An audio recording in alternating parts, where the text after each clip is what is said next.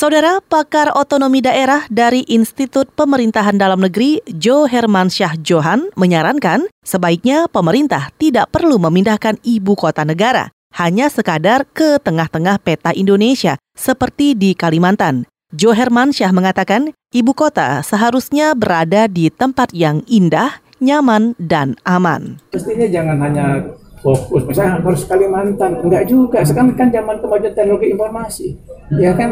Kita memerintah itu tidak perlu harus misalnya di tengah letaknya. Saya mengkritik konsep harus di tengah. Itu zaman bahala ya kalau sekarang pemerintah itu di mana aja kita bisa ngurus kantor kita.